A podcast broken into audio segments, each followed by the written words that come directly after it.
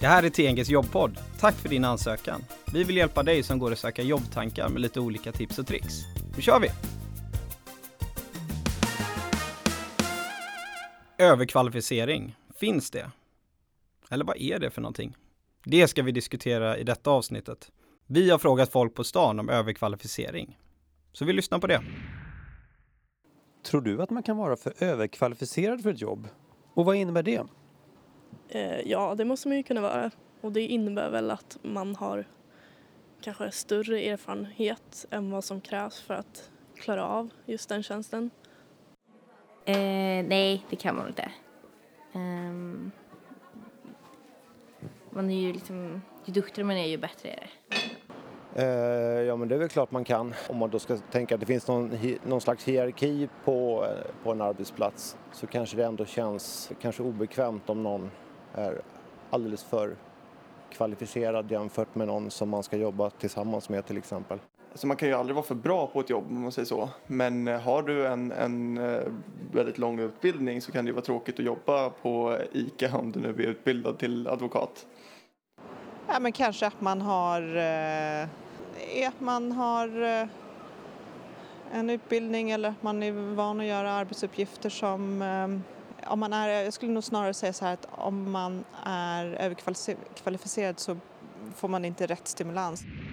Här finns det ju hur mycket spännande olika svar som helst. Som tur var jag med mig två proffs i studion idag. Jag både Åsa och Jessica. Ni kan presentera er lite för lyssnarna. Eh, Åsa Edman Källströmer heter jag och arbetar som VD på TNG. Eh, vi har ju jobbat jättemycket med den här frågan, den är otroligt spännande. Jessica Hägg heter jag, jobbar som teamledare och konsultchef på TNG. Okej, men jag tycker vi startar igång eh, direkt här eh, med dig Åsa. Vad överkvalificerad kan man vara det? Utifrån perspektivet att bli bortvald i en rekryteringsprocess så tycker jag inte att överkvalificering finns. Eh, egentligen om man ska lyfta det ännu högre så är det ju så att jag tycker att man generellt faktiskt inte riktigt värderar erfarenhet på rätt sätt. Det vill säga att man eh, att få in en person som, som kan mer än jobbet kräver måste mm. ju vara en fantastisk gåva till en arbetsgivare istället för mer den personen kan leverera. Mm.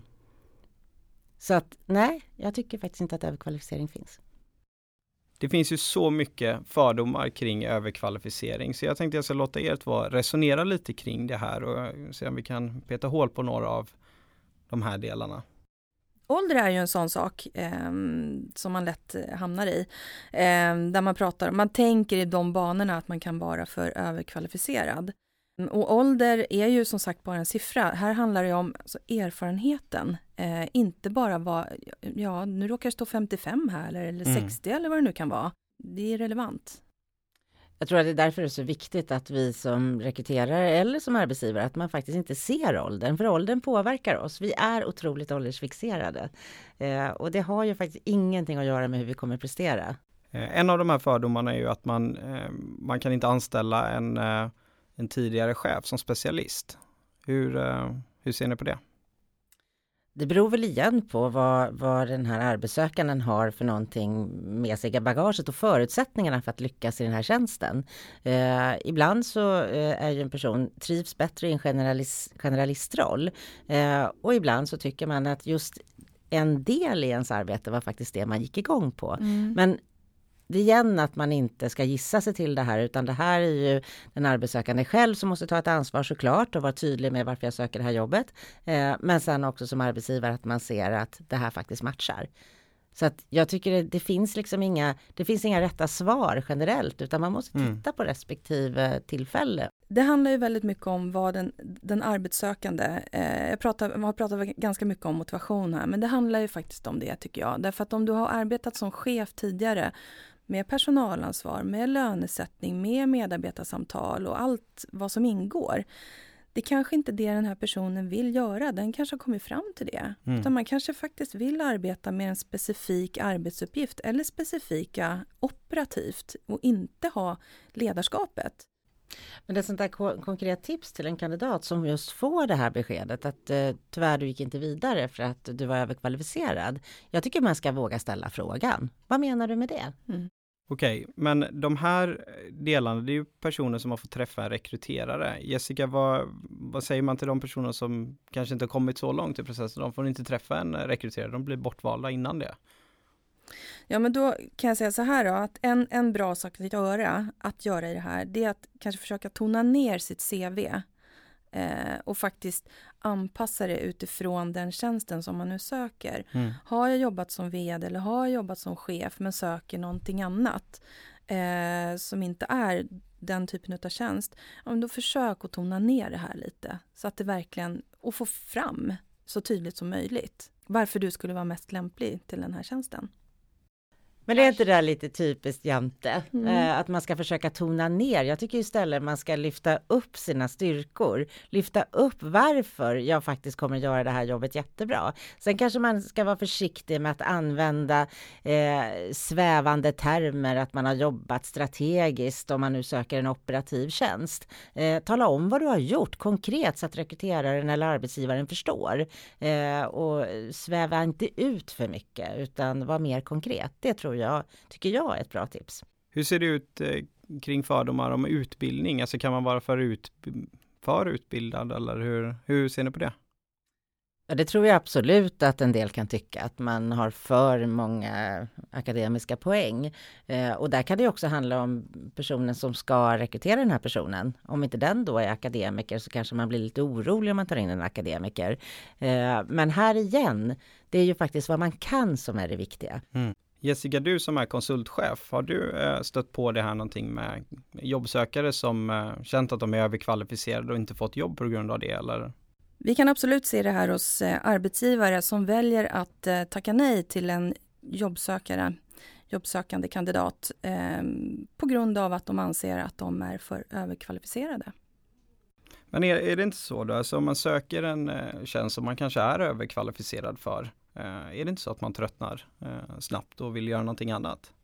Det kan man ju aldrig veta. Jag tycker det här, det här är ju verkligen klassiska fördomar som ofta handlar om mina egna referensramar som arbetsgivare. Då. Mm. Vad, vad, vad, tycker jag är att göra karriär och vad tycker jag är, är en kandidats eh, nästa steg? Det vet ju inte jag förrän jag tar reda på det. Eh, och Eh, här handlar det om att man ska jobba kompetensbaserat, att man ska utgå ifrån den kompetensen som faktiskt är relevant. Eh, sen om man får lite mer på köpet så är det fantastiskt för en arbetsgivare. Det handlar ju igen om, när vi ska bedöma en persons förmåga att utföra ett arbete, så handlar det ju om kompetens. Vad är det för kompetens jag har med mig? Försök fokusera på den. Mm. Uh, och det där tror jag vi alla behöver bli bättre. För det är så lätt att man faller in i det här gamla slentrian. Men den kommer tröttna på jobbet. Och, uh, den kommer säkert att behöva eller kräva mer lön. Och det, det, är sånt där som vi bara tror. Vi vet ju inte. Uh, och det är det vi måste ta reda på. För att verkligen göra de bästa matchningarna. Mm. Mm. Men hur, hur, hur mottar marknaden det här då? Om man alltså träffar en kund där man har en rekryterings, ett rekryteringsuppdrag eller ska hjälpa till med en konsult. Alltså hur mottar kunden är, är de mogna för, alltså är man mogen för att ta emot den här informationen? Fungerar det att prata om kompetens eller hur ser det ut? Jag tycker att det fungerar i högre utsträckning än vad det tidigare har gjort. Det är min erfarenhet. Samtidigt så tror jag att också man måste våga utmana. Eh, för det är så lätt att man bara, nej men den här kandidaten ser ut att ha för mycket erfarenhet. Men mm. varför? Vad är det exakt du tycker är för mycket erfarenhet? Mm. Att man vågar, att vi faktiskt, vi har ju ett, vi har ett ansvar, vi som arbetar som rekryterare, att faktiskt våga utmana just de här. För att det handlar ju till syvende och sist om att vi ska hitta de bästa kandidaterna. Eh, och då tror jag det fortfarande krävs lite utmaning. Ja, för även om det har blivit bättre så är det ju fortfarande en, en ständig process, precis som Åsa säger. Där det handlar om att vi måste ligga i framkant och, och våga utmana de som eh, inte är riktigt med på det här. Sen ligger det gamla könsroller också kan jag känna. Om man till exempel en person som eh, har haft en, en tung seniorbefattning och då kanske söker en, en tjänst som har en lägre befattning kvali kvalificeringsmässigt. Eh, så tror jag också det ligger så här om man är en kvinna eller man. Är man en kvinna då så kanske arbetsgivaren bör tänka att ja men nu kanske den här personen vill ta det lugnt och träffa sina barnbarn och mm. eh, lägger in de värderingarna fast man då kanske i det fallet om det är en man tycker att det är lite märkligt att man vill gå ner. Vad betyder det? Mm. Gå ner? Mm. För att i, det här, i den här specifika personens eh, kanske tycker att det, är att det är det här jobbet jag vill ha. Mm. Det passar mig jättebra. Jag kan bidra med all min erfarenhet och kunskap. Eh, och det borde en arbetsgivare bli lycklig för.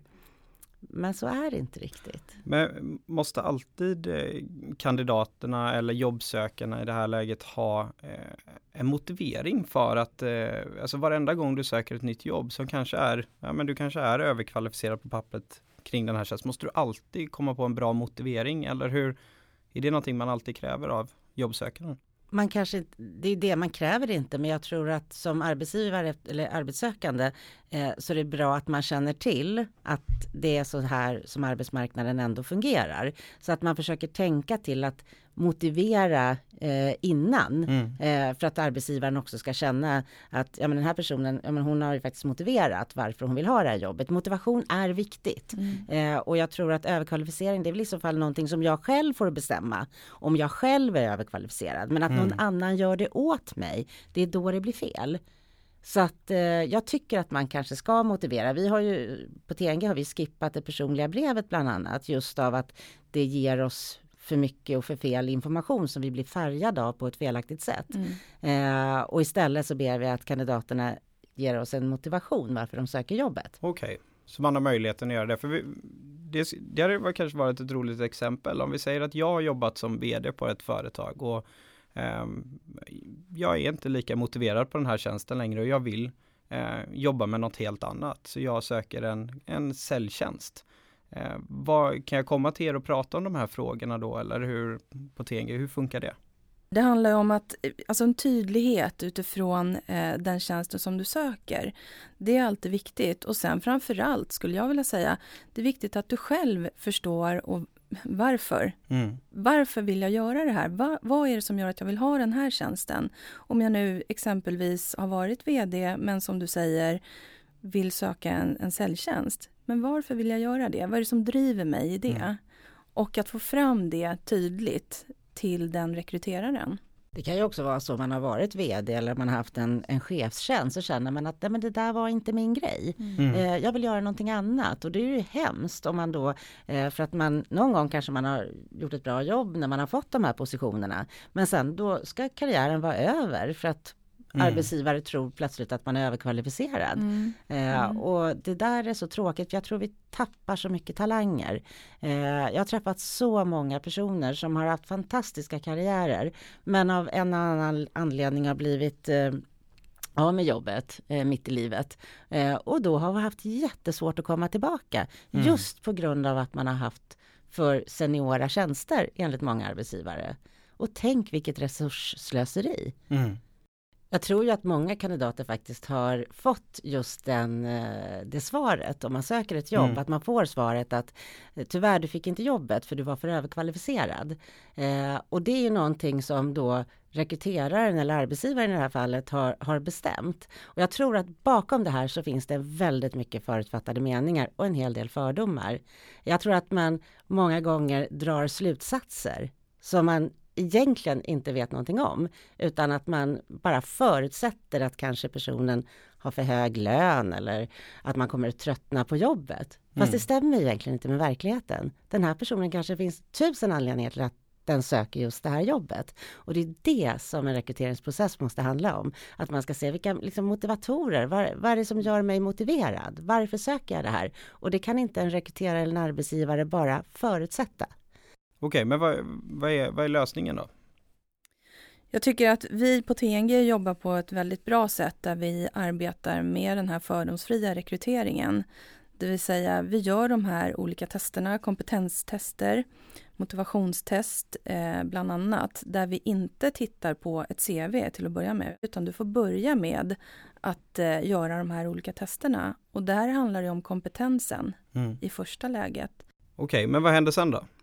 Ja, men det finns ju, det finns ju oftast ett lönetak. Arbetsgivaren är beredd att betala en lön. Men det viktiga är ju att man tar reda på det så fort som möjligt och Mm. man frågar kandidaten. Så är det kandidaten själv som måste bestämma om det här jobbet fortfarande är intressant. För det handlar ju återigen inte bara om lön, utan här handlar det om motivationen. Varför söker du den här tjänsten? den här personen kanske absolut är villig att gå ner till, till den här lönenivån som vi då har att röra oss med i just den här tjänsten. Det vet ju inte vi någonting om. Vi måste ställa frågan och gör det i så tidigt skede som möjligt. För då skapar det också en större eh, insikt eller uppfattning hos den arbetssökande. Okej, det är den här lönen vi pratar om. Kanske mm. inte den hade någon aning om. Nu avslutar vi med lite korta frågor. Eh, kan man vara för överkvalificerad? Nej, det kan man inte vara om inte kandidaten själv tycker att den är det. Jag säger både och. Har du anställt en person som är mer kvalificerad än dig själv? Ja, då. Ja, självklart. Det är inte så svårt. Vad är era tips till den personen som kanske någon gång har blivit bortplockad på grund av att man är överkvalificerad? Jag tycker man ska motivera eh, varför man söker det här jobbet, så det blir tydligt. Anpassa ditt CV och din ansökan utifrån tjänsten du söker. Skulle ni anställa en person som har mer lön än er själva? Ja. Ja då. Tack så hemskt mycket för att ni kom hit och träffade mig och pratade om de här frågorna. Superintressant. Och tack alla som lyssnar på podden och glöm inte att prenumerera på oss. Och är ni intresserade av att höra vad vi har för nya tjänster ute så gå in på tng.se. Och glöm inte att följa oss på våra sociala medier, Facebook, LinkedIn, Instagram och Twitter. Och tack för din ansökan. Tack! Hej då! Hej då! Du har lyssnat till podden Tack för din ansökan från TNG. Ett företag som jobbar med fördomsfri rekrytering och bemanning. Podden är skapad och producerad av TNG tillsammans med Copyfabriken. Tack för att du lyssnade!